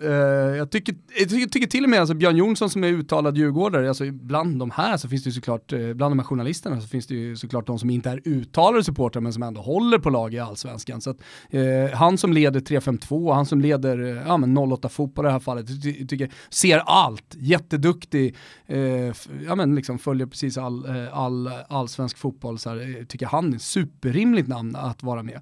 Så att, eh, jag slår faktiskt ett slag för er två, jag tycker att ni, ni borde ha varit med om man tittar på den här jurylistan. Ja. Det, det, var det. Sen, sen att Anel Avdic inte blir med, det tycker jag är helt sjukt. Vet du vad vi ska göra bara för det, som en jävla protest? När vi sammanfattar den här allsvenskan, då ska vi ha med Anel Avdic i den här studion. Ja det kan vi ha. För det är en, det, det, ja, men helt ärligt, det, det är en kille som gnuggar på varenda träning här i Stockholm, åker till och med ner till Norrköping och knackar på dörren när det behövs. Eh, han gör, gör, långa, djupa intervjuer, han står i mixad zon och krigar, live-rapportering, ser allt, lever allsvenskan som journalist. Eh, därför tycker jag att det är bisarrt. Mm. Mm. Ja, nej men eh, det är väl bra. Men det är också köpt han en plats då i Toto. Ja, ja, absolut. Så att jag menar, fan, det kanske var värt i slutändan. Det var ingen, det var ingen Pyrrhus... Eh, det var ingen Pyrrhus-seger att eh, se alla de där träningarna. Eh, hur som helst, eh, må så vara att eh, vi inte är med i juryn, det är ju kul att du tycker det. Jag, jag, jag, jag, jag backar, eh, jag backar förslaget på Björn, även Anel. Mm. de kan gott vara med i en sån jury. Hur som helst, Eh, de nomineringarna som har blivit, eh, börjar man bakifrån då så är eh, Oskar Linnér, Johan Wieland och Isak Pettersson nominerade till vinsten i årets målvakt. Jag, tycker det, alltså, jag tycker det ska stå mellan Linnér och Isak Pettersson. Mm. Att Wieland är där, mm. det är lite hugget som stucket. Ja, ja. Vem det Men det, det är vara. lite som med alla eh, liksom priser och nomineringar. Eh, det är ofta segern det handlar om. Och sen mm. så vem som är trea, fyra, femma beroende på vad det handlar om för, för typ av pris är ganska ointressant. Mm. Kanske uh, William Eskelinen kunde ha tagit Vilands plats. Han har, han har gjort en jättebra säsong. Hade han inte gjort matchen mot AIK så hade man ju inte tänkt Fan Eskelinen kanske? Nej, utan då har man sagt han har gjort en bra säsong så det är klart att han ska utmana om då någon slags tredje plats. Men det här står ju mellan Isak Pettersson och eh, Oskar Linnér, måste man väl tro. Mm. Eh, årets försvarare, Per Karlsson, Björn Paulsen eller Andreas Johansson? Mm, Ante som någon slags så här. ja, dels att han har varit väldigt bra också. Saknar du något namn? Nej det gör jag väl egentligen inte. Nej men det går ju inte att argumentera alltså, för, det, det, går, inte, det går ju inte att jag argumentera Jag har inte tänkt till kring det här så ni får inte bli arga, det, det är möjligt att det saknas något namn. Men, Nej men så här, det går ju inte att argumentera för Nej. att eh, en Malmö-spelare ska vara med från försvarssidan. Nej. Det går ju inte att göra. Nej. Liksom, rabblar man upp eh, då eh, liksom, nykomlingslagen mm, så är det ju inget lag som har gjort det eh, Tom Pettersson. bra. I Östersund? Ja. Oh, nej. Ja. Ah, nej. Jag bara sådär, spontant. Ja. Nej. Nej, jag tycker inte. Nej, men okej. Okay. Eh, men fan, här tycker jag att de ändå har fått till det ganska bra, måste mm. jag säga. Årets mittfältare, Enok Kofi Adu, Kristoffer Olsson och David Batanero. Ja, två gnagare, ja, men då är det klart Batanero ska vinna den. Jag tycker nog också att eh, Batanero eh, förtjänar eh, en vinst här. Eh, Nej, men Koffe måste väl vinna. Ja, det är ju frågan vad man går på då. Nej, alltså, om det, om det... Alltså, han kommer ju vinna. Sen så kan man ju tycka att Batanero eller Ado eller någon annan ska vinna, men Koffe kommer ju vinna, så är det bara. Mm. Saknar du någon här då? Nej. Alltså, jag tycker Batanero har varit fantastisk alltså. Jag älskar den spelaren. Skulle inte förvåna mig om man hamnar i AIK faktiskt. Årets anfallare, Henok Goitom, Paulinho och Linus Hallenius. Här får nog eh, Paulinho ursäkta. Jag tycker att det är givet att Linus Hallenius ska ha årets anfallare. Varför inte eh, Palle då? Nej men alltså så här... Hitta på smeknamn till höger och vänster då. Han kallas ju för Palle. Gör han det? Ja. ja okay. Mm. Eh, nej men jag tycker att eh, två måls differens efter 29 omgångar talar för Linus Hallenius i form av prestation, att han gör det i han Sundsvall. Han, han, han har haft färre chanser. Snarare än att Paulinho mm. gör det i Häcken. Det laget Paulinho har runt omkring nej. sig borgar ju för fler mål. Att det, det, det är dessutom att man ska vara med i toppen. Mm. Eh, det Sundsvall har gjort eh, anförde av Linus Hallenius, det, det, tycker jag är enormt. Men vad har vi mer för priser då? Årets tränare, Rickard Norling, Joel Cedergren eller Jens Gustafsson. Bra tränare. Saknar ju Billborn, men återigen så är vi där. Nej, men så här, man saknar Den som vinner guldet, han ska väl få man saknar, man saknar ju Billborn, å andra sidan, det är svårt att lyfta bort någon av Jens, Joel Cedergren och Rickard Norling. Ja, men det är det jag menar. Men det Hammarbyna liksom är inne på, det är ju förväntningarna inför säsongen. Eh, där väldigt många trodde att Bayern då skulle hamna lite längre ner. Många var inne på det här spåret att Billborn visst, en bra ungdomstränare, men han kan ju inte ratta stora starka Hammarby. Eh, och så trodde då många experter och många fotbollstyckare runt om i vårt avlånga land att eh, Hammarby minsann skulle hamna någonstans i mitten av tabellen. Och sen så har de gjort det här, krigat om guldet. Ja, eh, så att jag menar så här, det, det, är klart att eh, Billborn skulle ha kunnat varit där. Jag mm. håller med Hammarbyarna där, samtidigt som jag håller med dig om att det är svårt att lyfta ut någon. Samtidigt så ska man också så här, jag, jag tänker att i fallet Joel Cedergren så har det ju varit väldigt mycket, liksom, både uttalat och har man förstått eh, under säsongen att han gör det så mycket tillsammans med Faran, mm. hans assisterande. Precis som att man har förstått att Jocke Björklunds betydelse för Bayern eh, mm. ska nog inte underskattas heller. Eh, och Billborn är inte liksom sen med att lyfta fram hur mycket Jocke Björklund har betytt. Spelarna man har pratat med, där kan man ju också ta från... I slutändan så är det så här, så där kan man alltid säga, men ja, de har en jättebra eh, fysisk eh, preparatore som eh, har gjort underverk eh, med liksom, första tio metrarna som spelarna spelar. Fan vet jag, men, men det, det finns ju en som i slutändan står där och är, är ytterst ansvarig, både när det blåser så att säga, det är han som hängs, men Eh, det är också han som ska hyllas. Ja, jag har inga problem, alltså Jocke Björklund skiter fullständigt i vad han har gjort. Det är jättebra att han har varit bra för, för Billborn, men det är Billborn som ska ha priset om han nu ska prisas. Fan vad jag älskade Jocke Björklund när Bayern mötte alltså, Sirius. Vet, du hur trött jag är på, på, på det där? Jo, jo, men det var ju inte eh, Olof Mellberg, utan det var ju eh, kan, Valli. Valli. Det var han som gjorde BP. Ja, men jag är så jävla trött på det. Ja, vadå, så Mellberg gjorde ingenting. Ja men du vet, det är Valli som är, som är hjärnan bakom eh, framgången. Nej, skitsnack säger jag. Skitsnack!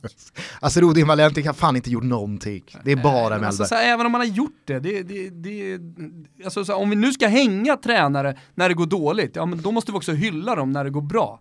Annars kan vi ju börja hänga alla jävla hjälptränare som finns där ute när det börjar gå dåligt. Vilka har Poja bredvid sig?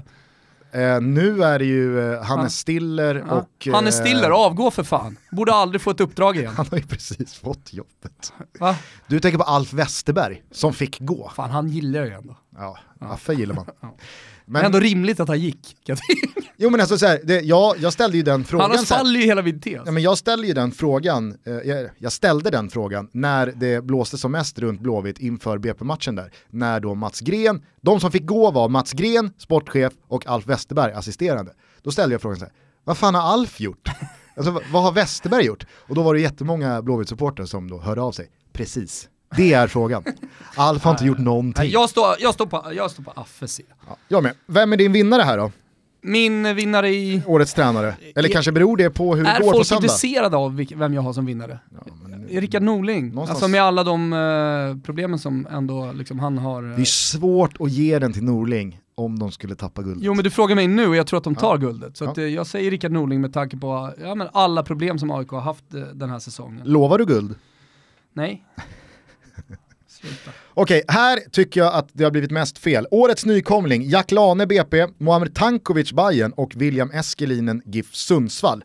Det går väl inte att säga så mycket om eh, William Eskelinen, den är bra, eh, gjort en bra säsong, eh, tagit över efter Naurin. Jack Lane däremot, ah, hur mycket har han egentligen uträttat? Det har gått ganska fort, Nej. men visst. Stryk den gubben. Talangen är ju otvivelaktig och det har ju varit liksom eh, häftigt med hur ung han är. Sure. Att Muamer Tankovic är med här, jag förstår faktiskt ja, ingenting. Men det är ju så kategorin är och då får man förhålla sig till det. Inget ont om Mujos eh, ja, säsong. Här, är, är, de här, är de här kriterierna de ska väljas på? Ja, det är klart de ska välja Tankovic, annars får man göra de kriterierna. Det är ingen idé att sitta och diskutera alltså, varför är han med? Jo men om kriterierna säger att han kan vara med, då är det klart han ska vara med. Annars så diskuterar vi liksom kriterierna ja. som borde ändras. Kriterierna borde i alla fall trött, ändras. Ja men det är en trött diskussion. För Fan, att... skit i, i kriterierna. Den här eh, kategorin omgärdas då av ett kriterie att det är eh, 23 år eller yngre som gäller. Ja. Och det förstår jag faktiskt inte. Nykomling som nykomling. Jag tycker att det finns en solklar vinnare i den här kategorin den här säsongen. Och det är ju såklart Robin Jansson i AIK.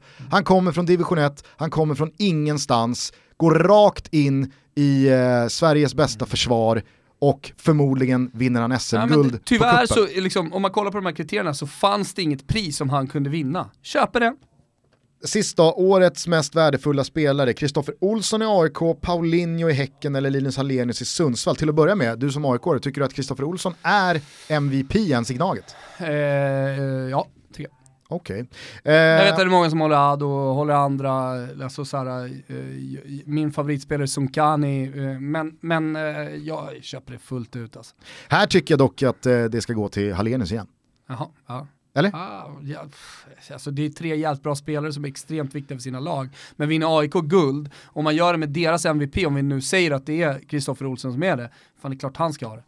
Ja, alltså, jag, jag, säger absolut ingenting om Kristoffer Olssons insats, jag tycker de är jättebra, men... Hur viktig han är för exakt, laget. Jag tycker, jag tycker laget han... AIK har fler spelare som har gjort det jättebra och burit fram laget. Men jag tror Noah Backten var inne på det också, att så här, det här har varit en säsong där, där det är svårare att plocka ut eh, då, en MVP, alltså, där, där, där många lag är eh, lagbygget. Alltså, jag skulle kunna säga att Batanero är minst lika viktig för, eh, det tycker jag i och för sig inte, men jag nästan skulle jag kunna säga att han är minst lika viktig för Sundsvall som Hallenius. Jag tycker alltså. Det går ju alltid att hitta de här individuella spelarna, alltså, och värdera då en offensiv spelare jämfört varför inte Pertan mer då, kan man ju tycka också. Ja, men precis, men... och, och ta Ante Johansson för, för Norrköping.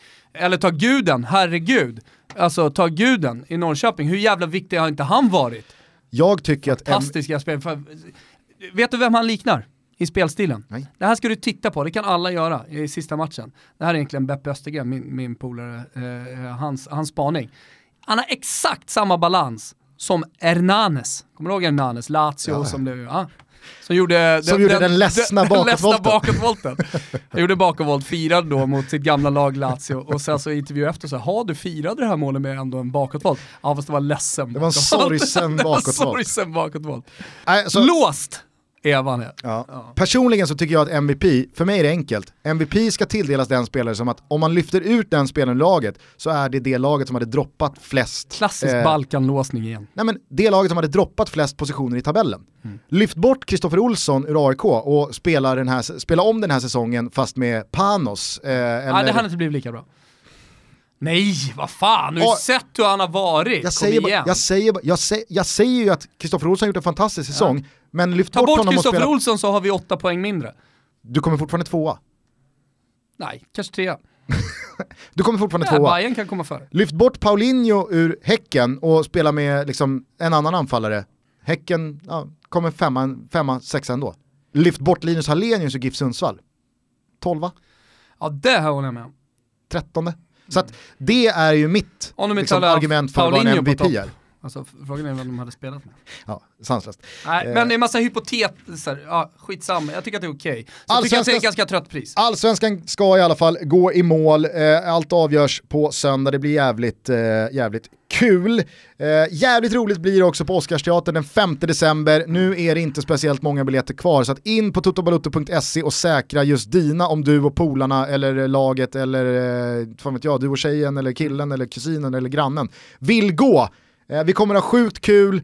Eh, ja, och vi, vi lovar en kanonkväll. Mm. Ja, det, det lovar verkligen.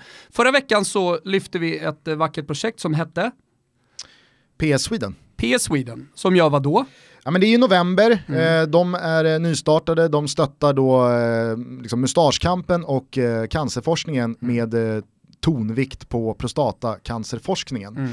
Eh, det här är vår kompis Dennis och hans eh, kumpan som eh, säljer strumpor där 10% av varje sålt paket går till cancerforskning. Ja. Ja, PSSweden.com. Nu skulle vi vilja hylla eh, ett annat, en stor organisation som många känner till, men som jag tycker får alldeles för lite uppmärksamhet. Som just nu, as we speak, eh, gör ett jättejobb och utan den här organisationen eh, så ja men då hade polisens arbete, myndigheternas arbete varit mycket jobbigare. De gör extremt mycket nytta och hjälper till och de krigar hårt. Är det Lugna eh, Det är från Stefan Sidorn, alltså Tsiedorn, jag är ledsen om jag uttalar det fel, men det är inte det viktiga. Han skriver så här, har varit ute varenda natt och dag tillsammans eh, och ledda av Missing People. Vi får mat, vi får vatten, vi får energi. Eh, men detta är något som betyder så mycket. Ideella organisationer behöver all hjälp de kan få. Just nu saknas Dante 12 år, jag hoppas han är hittad när det här eh, kommer ut, men vi låter det här rulla alldeles oavsett. Just nu saknas Dante 12 år, ingen har missat det. Eh, han har varit borta snart i tre dygn. Det är 3000 man som söker oavbrutet. Allt från snårskog till vatten för att hitta och få hem den här killen till sina föräldrar. Ge ett bidrag till denna fantastiska organisation och hjälp Dante att hitta hem. Det är vårt slutgiltiga budskap i, det här, eh, i den här eh, episoden. Tack så jättemycket för att ni lyssnar. Vi älskar er alla. Vi är tillbaka nästa vecka. Då kommer vi prata om eh, guldet som vi inte vet vart det kommer gå. Vi får väl se vem som slår en sorgsen bakåtvolt eh, i den allsvenska upplösningen. Och sen så hoppas vi också att eh, vi nästa vecka gästas av Stefan Johannesson ja. som satte en dolk i ryggen på oss när han dök upp i Lunds podcast här oh, nyligen. Samtidigt men, var en ganska sval intervju. Det blir mycket roligare hos oss. eh, trevlig helg, ciao tutti! Ciao tutti!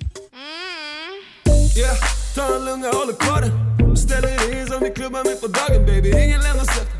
Här vi bryr oss om varandra. Vi är inte som de andra. De vill få mig lägga ner och bli som andra. Men jag är inte som de andra. Hey. Mina partners de är lojala. Även om alla av oss är hala. Bjuder på rubbet, det är bara halla. Och låten är manager, du får betala. Hey. Vilken jävla stil. Eh. De märker till dig bättre i profil. Det var nåt på krokodil, det var nåt man såg igenom. eh? Så mycket du har gått igenom. eh? Men nästan ingenting på benen. Halva här ser på scenen. Ingen fattar vad jag menar. Toppen. Inte dags att växa upp förrän skiten slagit botten och kroppen. Mår lite bättre nu när jag väl lyckats få Toppen. Chilla bara, chilla långt och monoton. När ni andra var på väg var jag långt ifrån. Men nu är jag här bitch. Oh na na Hon är farlig som aj aj aj. Vi tar det från mig na na. Borde veta den är mine mine mine. Zimziba. Hands up nu från min kvinna. Hon är min